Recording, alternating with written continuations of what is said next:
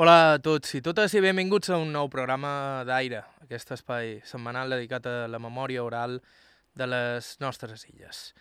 Avui tornem a ser per Bunyola per escoltar dues germanes ben divertides. Jo això d'entrevistar-me no sabré. No, tu li has de dir la teva vida com jo que ja li he dit la meva. La meva vida. I més o menys serà com la meva, la teva. Se semblarà un poc. Sí. La teva vida serà com la meva. Ranxo i tot, i tot. Senyora comparat a jo. Perquè jo vaig de ser la petita. Vaig de ser la petita. Jo era la víctima. Sí, ella, ella era la víctima.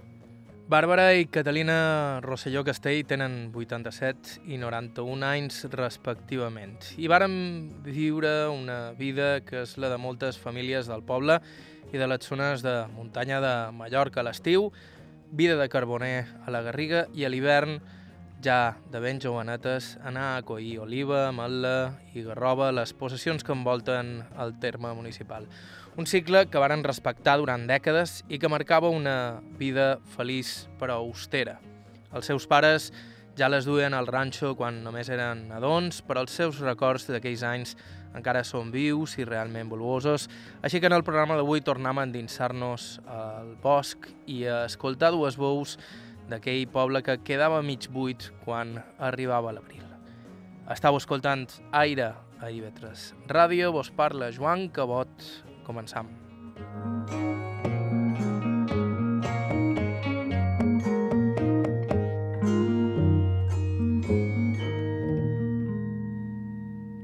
I començam amb na Bàrbara. Bàrbara Rosselló Castell. Dia 26 de març del 30... Ai, Quants anys teniu? 87. És a dir, que va néixer el 1932. I aquesta és na Catalina. Mira, hi vaig, jo no, Catalina Rosselló Castell, i vaig néixer el dia 13 de febrer. I té 91 anys i 3 mesos. Per tant, nascuda el 1928. I totes dues són filles de carboners. Els meus pares eren carboners. O talladors de pins. Anaven de llenya sempre. En l'estiu, es, es carbó. I en l'hivern eh, anaven a fer feixines que deien per d'unes fonts. I llavors, si no hi havia per, per fer això, repassaven lo millor arbres que, eren morts. Però era tot qüestió de llenya. Tot qüestió de llenya. Tant mon pare com el meu germà, el Celsi. El meu germà fa un parell de mesos que se va morir i tenia 92 anys també. Estimat meu, sí. Tenia 92 anys.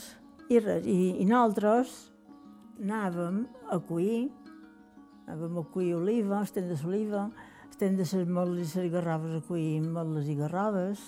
I vàrem, vàrem anar a escola no molt, molt de temps, perquè jo als 13 anys ja, ja me varen posar a cuir oliva. No vaig anar mai a repàs, mai, mai, mai. Ella hi va anar i el meu germà, però jo no hi vaig anar mai. Mai. I, i després, cada any, cada any, el mateix. En l'estiu, carbó, i en l'hivern, eh, el meu, meu pare i el meu germà cuien oliva i, i feien oli. Can Colom hi havia, a la granja, allà hi havia una, una tafona, feien oli allà. I, i era quan nosaltres anàvem a escola encara. Però llavors me llevaren de l'escola a fer feina i, i encara era. La vida de Carboner implicava tota la família que es traslladava a la Garriga sencera, així que quan naixia un nou membre partia muntanya endins amb tota la resta. Na Bàrbara, de fet, tenia pocs dies en el seu primer ranxo. M'hi varen dur, que jo tenia 15 dies, deia ma mare.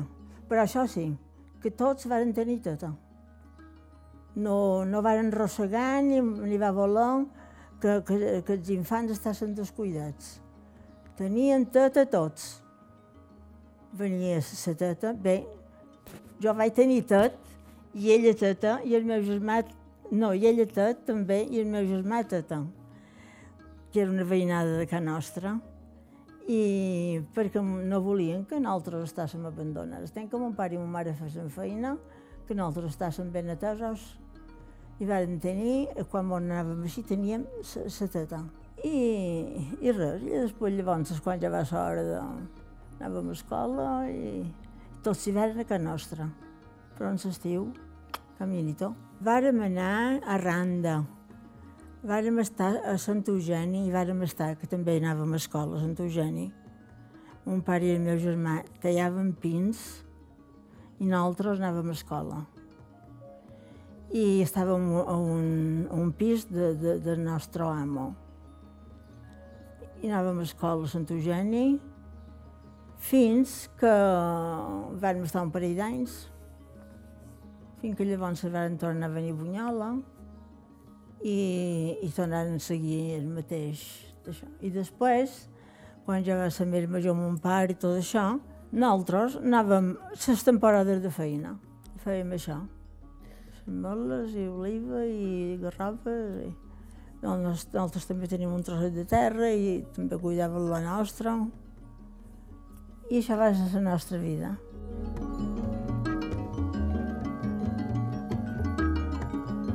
I, i mon pare i el meu germà se n'anaven dies antes que nosaltres, perquè havien de fer barraques. Estàvem a dins d'una barraca. Que jo, com hi pens, la pell me torna de gallina. Mon mare era molt, molt, molt perua. No, mon pare no la va deixar mai, mai, mai una hora, mai tota sola en, en, el ranxo. Teníem un veïnat, també de Bunyola, que ell feia molt d'anys que habitava per, per Vall de Mossa, i se n'anava a Vall de Mossa, diumenge o quan fos, i la seva dona tota sola allà. Ja, mon pare no ho va fer mai, perquè sabia que ma mare era molt, molt, tenia fam, i, i li deia, tu els vas encolcat a ella de sa por, perquè nosaltres també teníem molta por. I havien de dormir dins una barraca, que jo quan hi pens estic escorrufada. I la porta era un feix, i la cortina era de tela de sac, i el dia que plovia havien d'estar allà de dins, i feien foc, posaven unes llaunes mon pare per por. I si no, de fora, viu, li deien la tenda. Feia una esplanada de fora de la barraca i, i allà també hi posava, ma mare feia, o mon pare feia un fogó i ma mare guiava de fora, però quan plovia havien d'estar de, allà de dins. I era trist això, dins una barraca que jo cal que va dur somir i me desperto amb un sobresalt que no puc. Per què? Perquè, perquè me, me, me, me, tenia molta de por, me fa por, me fa por. Els dragons i les cers i les rates i tot això, me fa una porada. I ma mare li feia també. I n'hi havia? Sí, uh, uh, no, em va, no em vaig veure cap mai per dins la barraca, però jo supos que, que qui sap, si en la nit passaven o que sé jo que... La història de la seva germana Catalina és bastant semblant. Al ranxo, pocs dies després de néixer, i ja de ben petita, donant un cop de mà al seu pare i al seu germà. Jo, perquè quan van néixer ja m'hi van endur. Però, vamos, quan vaig començar a fer feina en el ranxo, jo tenia 10 anys i mig. I mon pare, me recordaria sempre, me va fer fer un destraló, saps que és un destraló net? una drastaleta petita. I jo feia brancam, brancam és quan has aixecat, has resforgat els pins o les usines, has de fer el tronc per fer les xitges. I jo deu anys i mig, i aquí damunt, aquí duc una destraladeta. No ho vaig dir, de contenta que estava de tenir destraló, vaig dir que m'ho havia fet amb una branca. I era una destralada que encara se coneix aquí, que en Castellet perquè d'aquell d'Estalonet no l'hagués venut ni per res de la vida.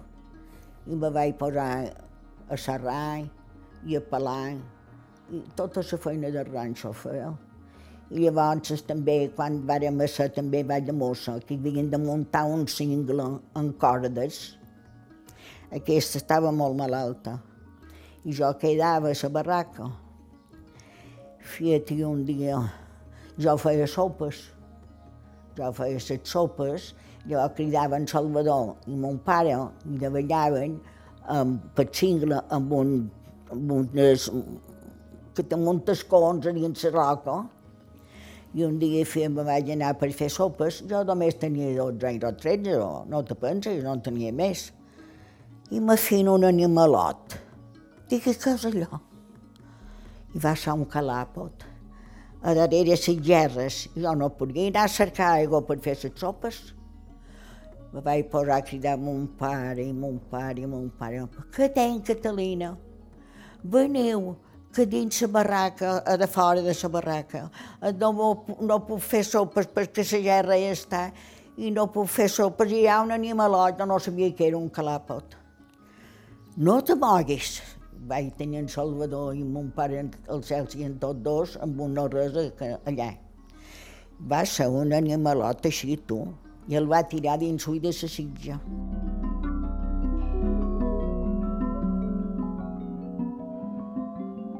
I llavors jo vespre, aquesta era bunyola amb ma mare perquè aquesta era nina i estava molt malalta de vegades. I me'n vaig anar per anar a jeure i quan vaig anar a jeure vaig una serp que m'enterxia en la barraca. Mon pare, jo no hi vull jeure, jo no hi vull jeure, hi ha un plors. I vàrem estar fins no sé quantes hores aixecats.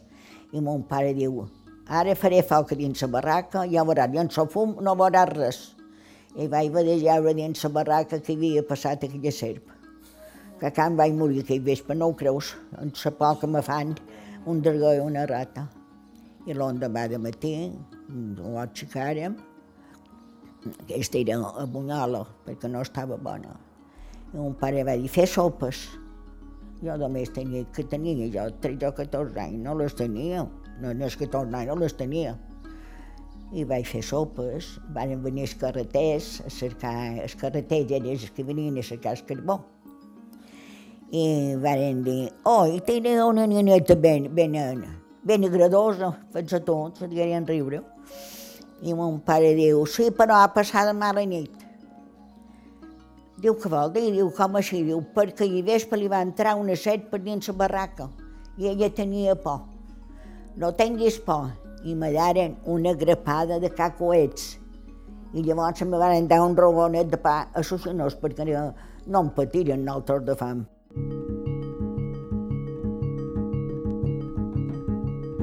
Anàvem per abril i qualque vegada més, més, passava el setembre, segons la feina que hi havia en aquell, en aquell tros. I ara d'això no en senten parlar. Però Bunyola, mi poble, era Carboner. Bunyola, um, Caimari, aquest poble de muntanya, no tenen carboners. Aquí, aquí, el poble, se notava que, que, que faltava gent. A Vall de Mossa hi vàrem estar també sé quin temps. I anàvem, eh, els diumenges anàvem a missa i a fer la compra, Llavors, tres setmanes, si mos faltava res, ella també anava a ser caró.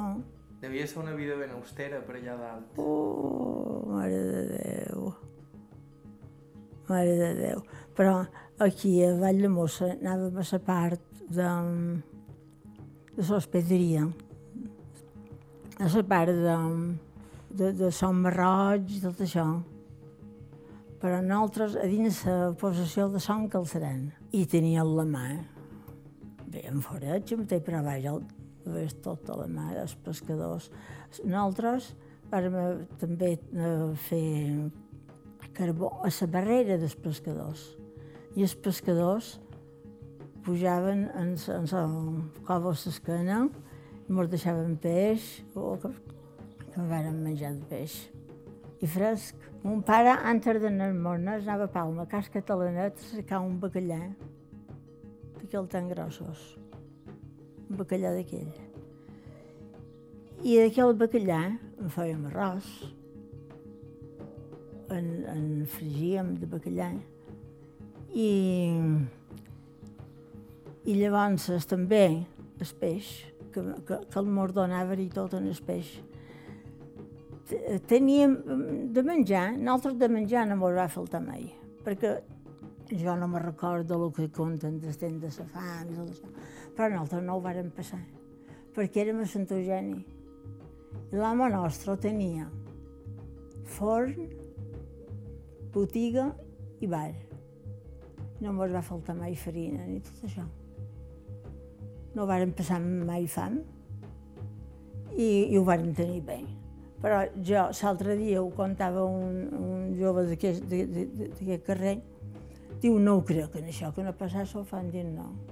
No em varen passar gent de gana.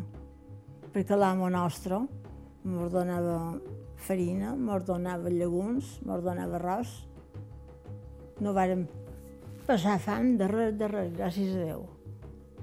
Però això sí, estàvem també una casa, vàrem estar a les olleries també, que era una finqueta de l'amo, perquè Can Balaguer, l'ha sentit anomenar Can Balaguer, i doncs, Can Balaguer, aquests, uns senyors, allà eh, era una gent molt, molt, molt, eren uns senyors tan, tan senzills i tan, que, que no sabien que s'havien de fer per nosaltres. I, en fi, mos tenien molt de cuidado i molt bé, vàrem estar molt bé. Nosaltres anàvem a escola Sant Eugeni, a Catalina i ja. Aprofitàvem, aprofitàvem, si podíem anar a escola, anàvem a escola, però no hi podíem anar molt. Tot l'hivern, sí. Tot l'hivern estàvem a casa nostra. Si mon pare feia feixines, hi havia, i si no, el que hi hagués, oli Can Colom i tot això. I no feina tampoc no va faltar. Eren Catalina i Bàrbara Rosselló Castell, 91 i 87 anys respectivament i de Bunyola. Fem una breu pausa i continuem sentint la seva història.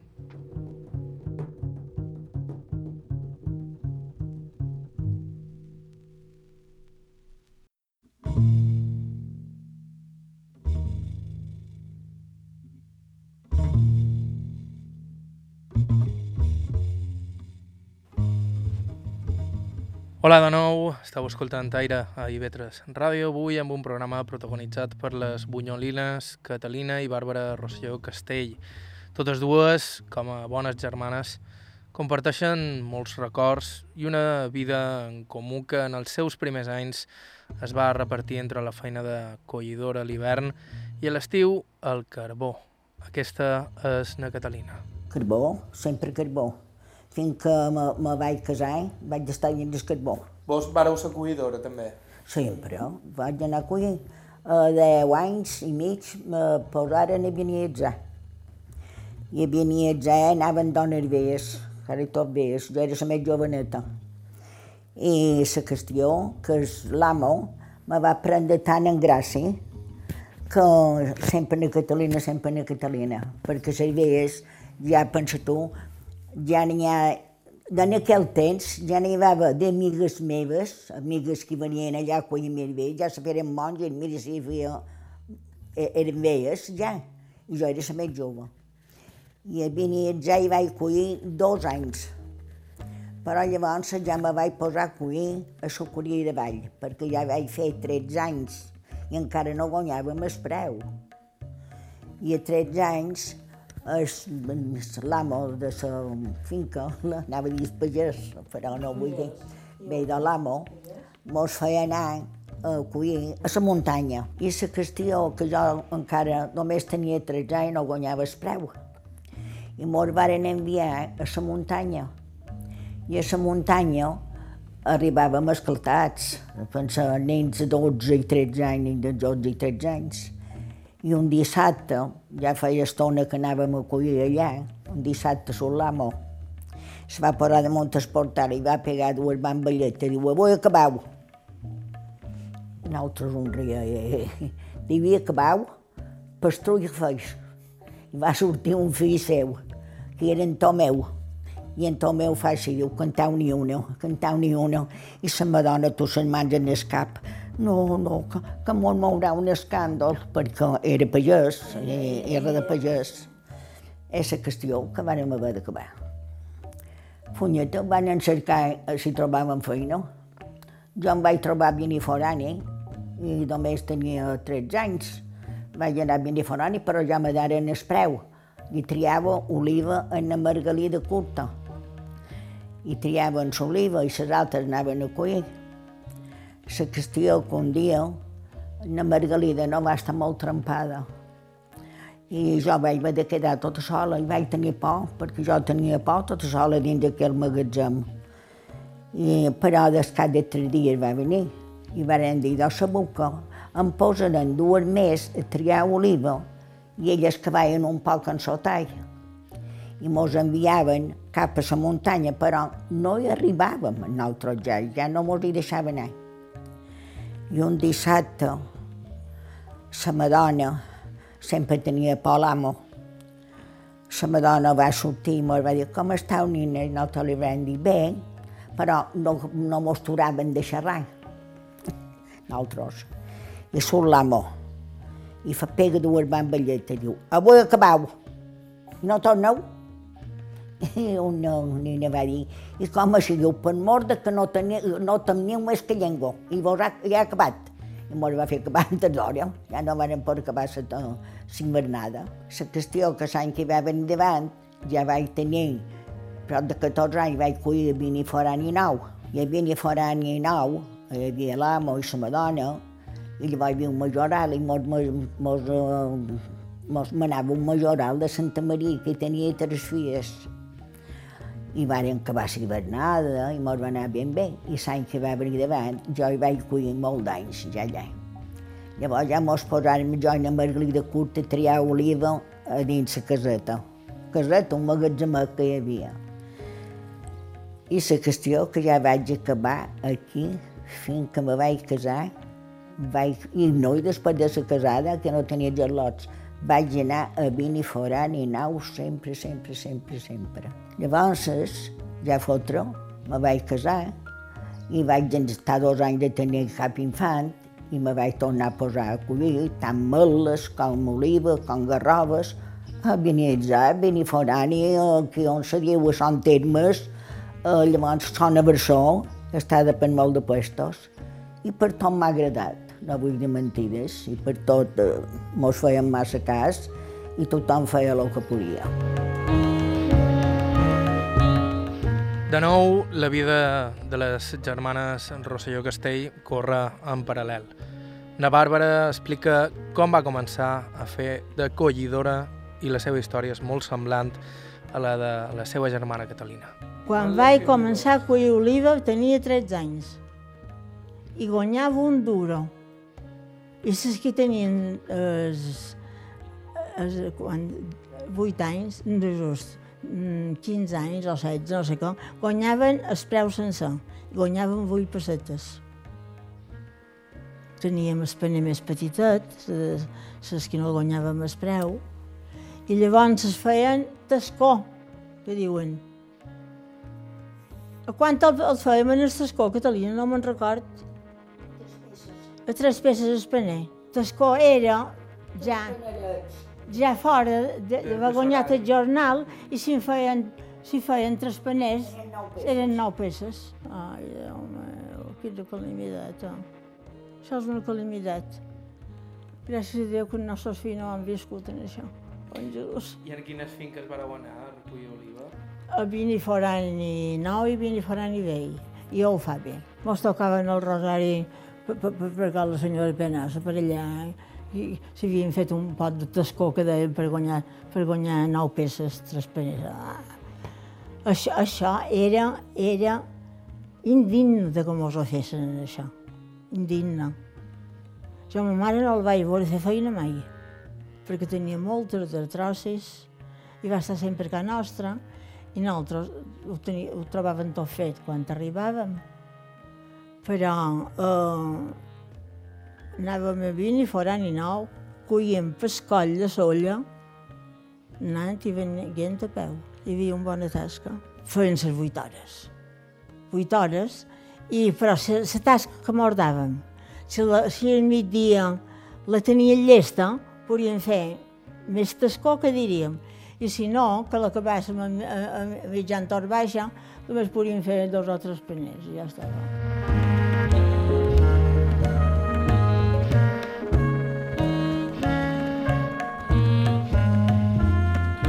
No, no sé, jo m'agradava molt. Molt, molt, molt, molt.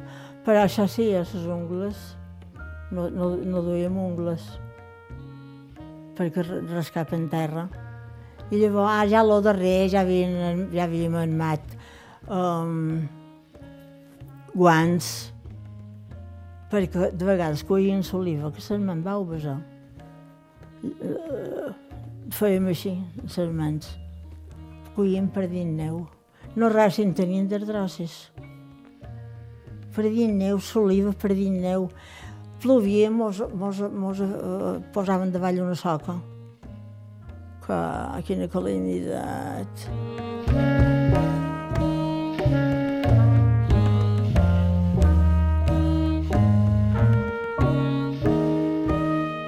Uh, jo me record que l'any de l'esplet, que va ser, que el primer any que vaig guir, l'any de l'esplet hi havia tres talls a a fora a nivell. 60 dones o 50, o... però una gentada que cuia de matins anàvem i, i, i, i, i hi havia el carrer ple de gent. La feina de cuidora era mal pagada, com ens explicava la Bàrbara, però no especialment feixuga són les germanes. Les escanes patien, però les dones cantaven i passaven l'estona com podien mentre anaven recollint. La Catalina, de fet, diu que tot li agradava, tant collir oliva com ametla. Tot, tot, estava basada tot i tot m'agradava. Quan venia a l'oliva encantada, venia a les merles encantada i venien les garroves també. I vaig topar sempre amb, amb una gent, vaig topar sempre amb una gent massa bona i massa aguda i, i vaig passar molt de gust quan vaig estar bona. Això sí, me va costar molta pena perquè em va tornar a repetir un poc. Però ja, ja, llavors jo ja era casada quan va tornar a repetir però vaig tornar a partir per collir oliva i deixava els infants a l'escola amb ma i, i en fi, he estat molt forta, a pesar que he tingut moltes, moltes malalties, però he estat molt forta i estic molt contenta perquè ho he vençut. Aquestes feines no només donaven que menjar a la gent del poble, també donaven vida al poble. Tot Bunyola vivia del mateix, de la fusta, del carbó, l'oliva, la garrova, Na Bàrbara encara recorda com era Bunyol aquells anys. A Bunyol era molt diferent, Bunyol era molt diferent. Jo ho dic, eh, jo em record que nosaltres que estàvem la botigueta, saps on, on hi ha, que hi ha aquella escalonada per amunt. Hi ha una clasta amb un parral. Nosaltres vivíem allà. Allà era que nostra.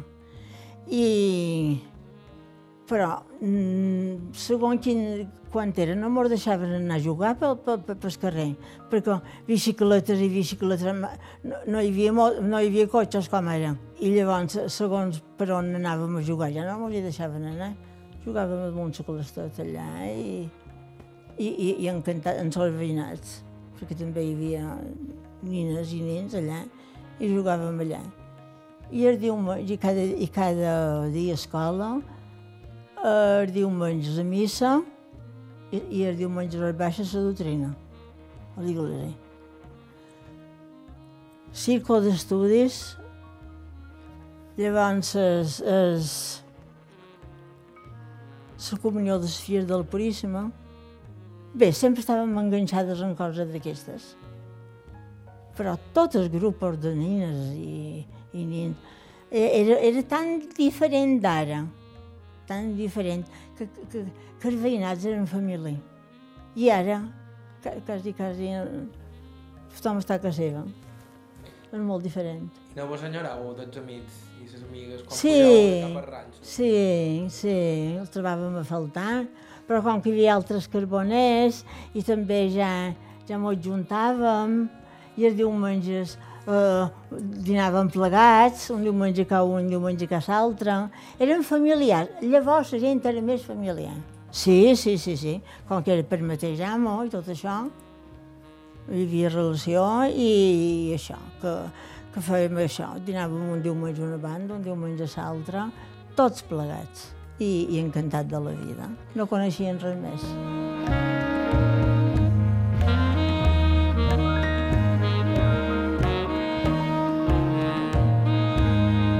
jo estava encantada amb Bunyola.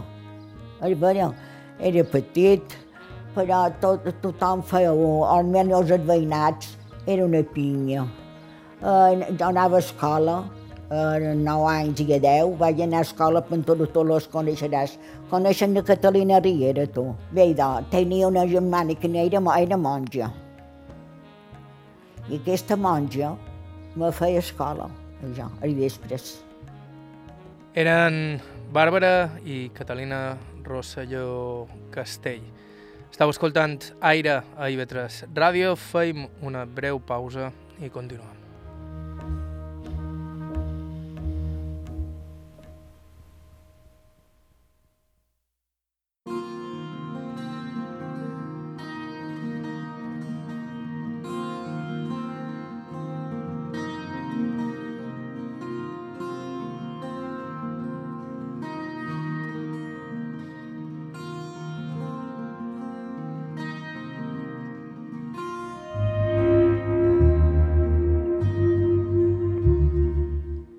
Hola de nou, estàu escoltant IB3 Ràdio, això és Aire, aquest programa dedicat setmanalment a la memòria oral de les nostres illes. Abans de continuar, vos recordam que sempre estem oberts a suggeriments i que sempre estem per, cercant gent per ser entrevistada. Si coneixeu algú que penseu que val la pena que entrevistem en el programa, ens podeu escriure a aire.ivetresradio.com o ens podeu deixar un missatge telefonant al 971 13 99 31. 971 13 99 31. Més o manco, si heu escoltat el programa, ja sabeu quina mena de gent solem entrevistar, persones majors que han viscut les illes abans del boom turístic, han tingut relació amb feines tradicionals o han viscut algun fet excepcional. Avui, de nou, som per Bunyola, on hi tenim bo, escoltant les memòries de les germanes Catalina i Bàrbara Rosselló Castell, de 91 i 87 anys respectivament, que es varen criar en un ranxo de Carboner i més endavant fent de collidores d'oliva, ametla i garroba. Al ranxo, a la Garriga, de ben petites, ja començaven a donar un cop de mà fent el que fos o cuinant o fent escorxa, una de les tasques que solien ocupar els més petits de la família. Pelàvem, perquè fèiem escorxa i aquella escorça feien munts, una muntanya d'escorça, i aquell, aquell trons els havien de pelar i, i picàvem, feien els trons així més o menys, i, i jo els atrinava amb ma mare, ma mare seia, i, i els pelava, i llavors si, si n'hi havia molt d'avançat jo també me seia, i, i damunt una preda, allà on fos, i pelàvem, i d'aquesta manera. Vida de gitanos, és això. Però no coneixien res més i, i, i, i estàvem encantats de la vida. De fet, allà a la Garriga no tot era feina. També hi havia temps pels jocs, encara que aquests jocs només tinguessin uns companys possibles, els teus propis germans. Jo m'agradaven molt les pepes grosses. I, i un dia er, eren un pes de cartó grossos. El vaig deixar vespre damunt un munt de, de, de trons així i va ploure. L'endemà de matí va estar, va estar tot. I vaig plorar molt. I mon pare va anar a Palma a cercar-me'n. D'aquest pets, nou peces valien.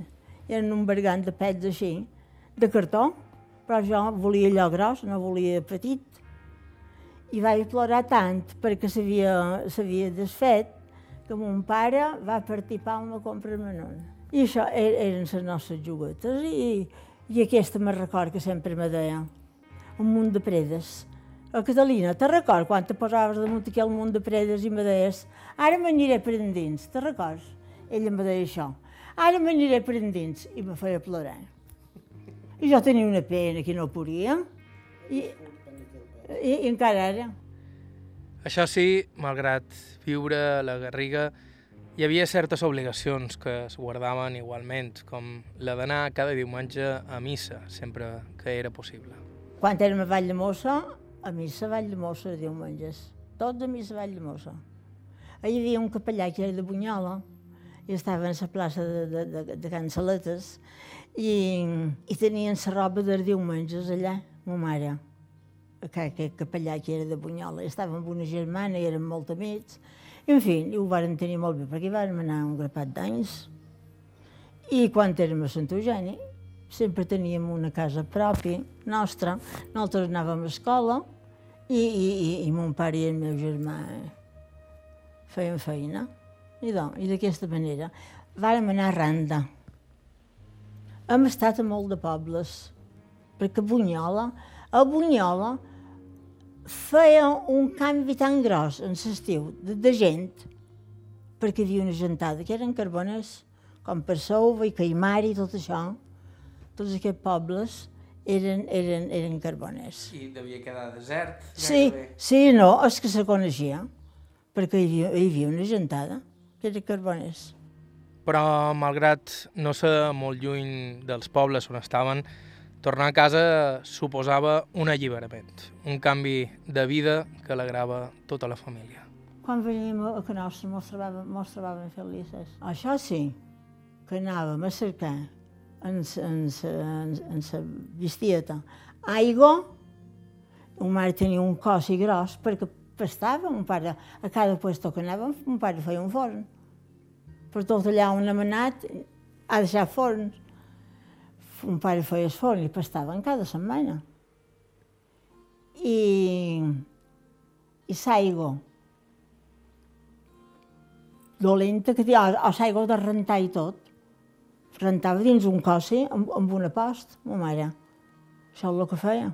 I l'aigua no la tiràvem a dins un bidó o dins qualque cosa per dir de, de triar la sitja i hem de mestar aigua. I, I amb aquella aigua podíem, podíem pagar el, el foc.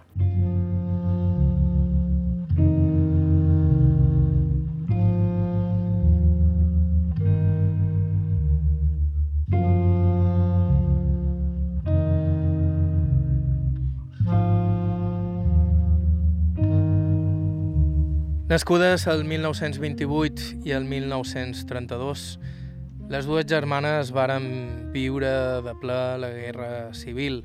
Diuen que no varen notar la fam de després, però sí conserven records d'aquells anys. Per exemple, na Bàrbara em parla de les alarmes cada cop que hi havia perill de bombardeig a Bunyola, de com s'amagava en alguna cova o a l'església, si l'alarma sonava mentre eren fent escola a Cases Monges. Jo me record, me record que teníem una veïnada que tenia una cova a davall un carrer. I quan llavors, a Cases Monges també, on anàvem a l'església. Hi havia una tia meva que vivia davant Cases Monges, avisava, eh, les monges ja mos feien anar cap a, cap a l'església, perquè venien els avions. I, i quan érem a casa nostra, tocava l'alarma, perquè tocava una cosa de l'alarma, i ja sabien com on havien d'anar, que aquella veïnada cap a... I mon maret no hi sabia estar dins, la- dins la cova, havia d'estar tot fent de fora. I que nosaltres aquella penada que passàvem, perquè mos pensàvem que s'havia de passar, i li havien de tirar una bomba, no, res. Calamidats grosses. Però, però a Bunyola no va, no va passar. Però nosaltres, nosaltres un carboner, no podien tenir llum als vespres. I un dia, un pare estava enmolant les destrals i, li va comparèixer un i mon pare li va dir no, no tireu, que som els carboner. Perquè cercaven, hi havia dos o tres que havien fulls i les cercaven per dins el bosc. De fet, la història d'aquests tres és bastant impressionant. Durant la guerra eren esporles fent ranxo de Carboner i allà rebien la visita de tres fugitius que s'amagaven dels feixistes al bosc. La història la conta na Catalina.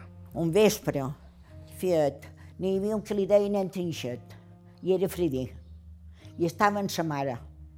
I llavors l'altre, no mi Joan, eren d'espolles, eren d'espolles, i tenien la tenda feta. I per la tenda van fer un forat així, i deien a mon pare, Teador, tot d'una que vos temeu, que ve algú, mos avisau. I nosaltres la muntanya, per dins el bosc, I mon pare deia, no m'hauríeu de donar un dirgo que tenc una sa dona, ma mare tenia una anèmia i aquesta moltes vegades no estava bona. I jo sempre havia de quedar. Feia un vespre, van sentir un renou amb un llum. I van ser ells, eren dos, tres, eren tres. Però l'altre no venia tant, on s'escondia no ho varen ser, però, no venia tant. Feien un forat així a la tenda i miraven per allà i veien quan anaven cap a, cap a la seva barraca i no tenien infants aquest matrimoni. I la qüestió que aquell vespre tot venen, varen venir aquells homes, els fascistes, els falangistes, s'ho miraren tot i no veren res. I l'endemà, vespre, ve els dos que estaven amagats i venen a la barraca nostra. I nosaltres estaven de baix tenda. I diuen a mon pare, mireu, tallador, no tenien res que dir de vos ni de la vostra dona però te passava molta de pena, perquè ma mare tenia una anèmia i aquesta moltes vegades malalta. Per no donar-vos un disgust, mon anam de cap a ca nostra. I un se va amagar en el sòtil, en el sòtil, en un quarto, i tenia un forat i se posava a damunt sa, damunt sa teulada, perquè hi anaven els falangistes i no el trobarem mai. I aquest altre que era Frederic, que li deien enviar el trinxet, la plegaren i el varen tancar a la presó.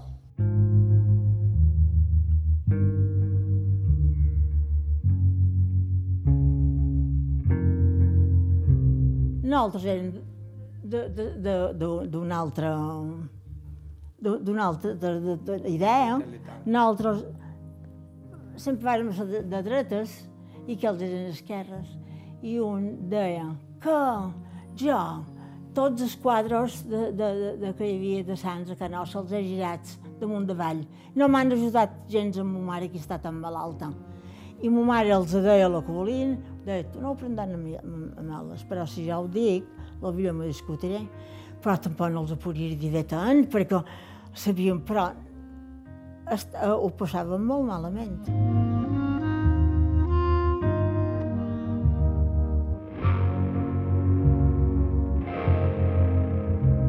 jo vaig passar i ma mare, bé tots, ben malament per aquells homes, perquè et veig per venir a passar la balada en nosaltres, oh. Pensa tu, i nosaltres érem infants. I, i ma mare deia a mon pare, Joan, morir trobaran amb ell, i la mos carregarem nosaltres, que els he de dir, Maria, que els he de dir. No vengueu. Ma mare estava avergonyida.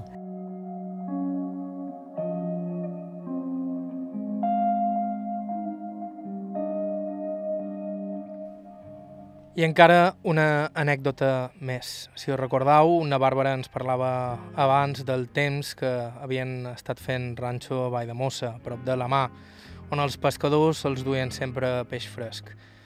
Per curiositat, i tenint en compte que per aquella costa es traginava molt contraband, li vaig demanar a Ana Bàrbara si alguna vegada varen veure gent carregada de gènere, i elles me diuen que les saques les varen veure ben de prop. Qualque vegada tenien la barraca plena.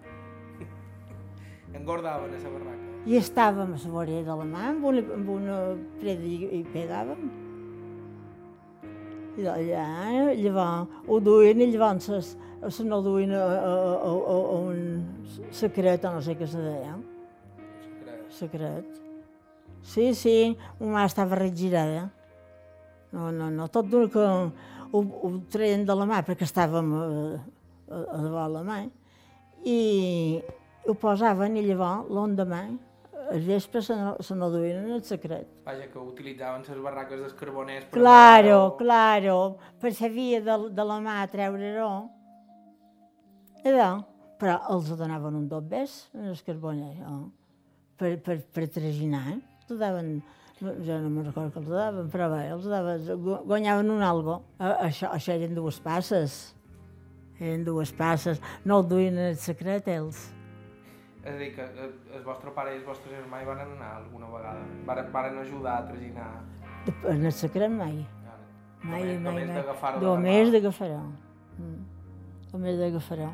Però l'endemà, que allò ho tenien tot ple, a si venia la Guàrdia Civil i ho trobava. És, és, és un patiment, això. És un patiment, tenen fluixeries de lo que te puguin dar.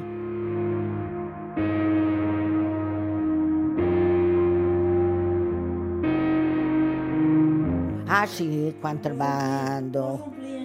Ah, això era la Montcolom. Contrabando era per la Montcolom.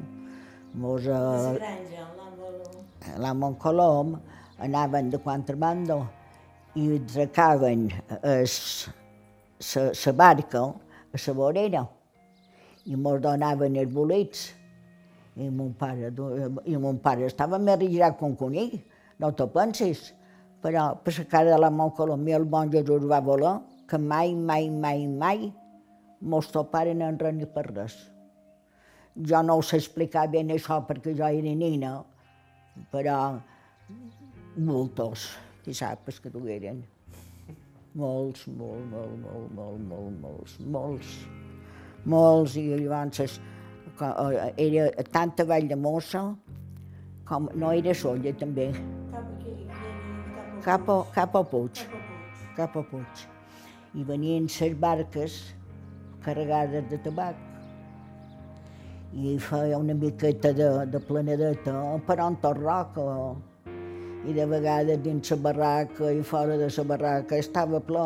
Mon pare la seguera carregada davant de los odeien i la Montcolom era el maestro, perquè era la Montguiem.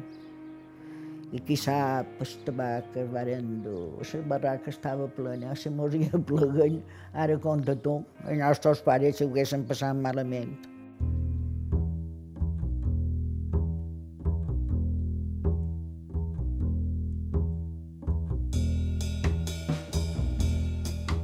Nosaltres ho deixem aquí per aquesta setmana. Moltíssimes gràcies a Bàrbara i Catalina Rosselló Castell pel seu temps i amabilitat i gràcies també a Bàrbara Suau de Bunyola per suggerir-nos aquesta entrevista. Ja sabeu, de fet, que si ens voleu proposar alguna entrevista ho podeu fer enviant-nos un correu a aire i que també ens podeu contactar i seguir a través de Facebook i Instagram. Si vos voleu subscriure al podcast del programa, ens trobareu a iTunes i de més serveis similars. L'arxiu complet del programa el teniu a ib3alacarta.com. Bàrbara Ferrer a la producció executiva, Iker Hernández a la producció tècnica, vos ha parlat Joan Cabot. Fins la setmana que ve. Thank you.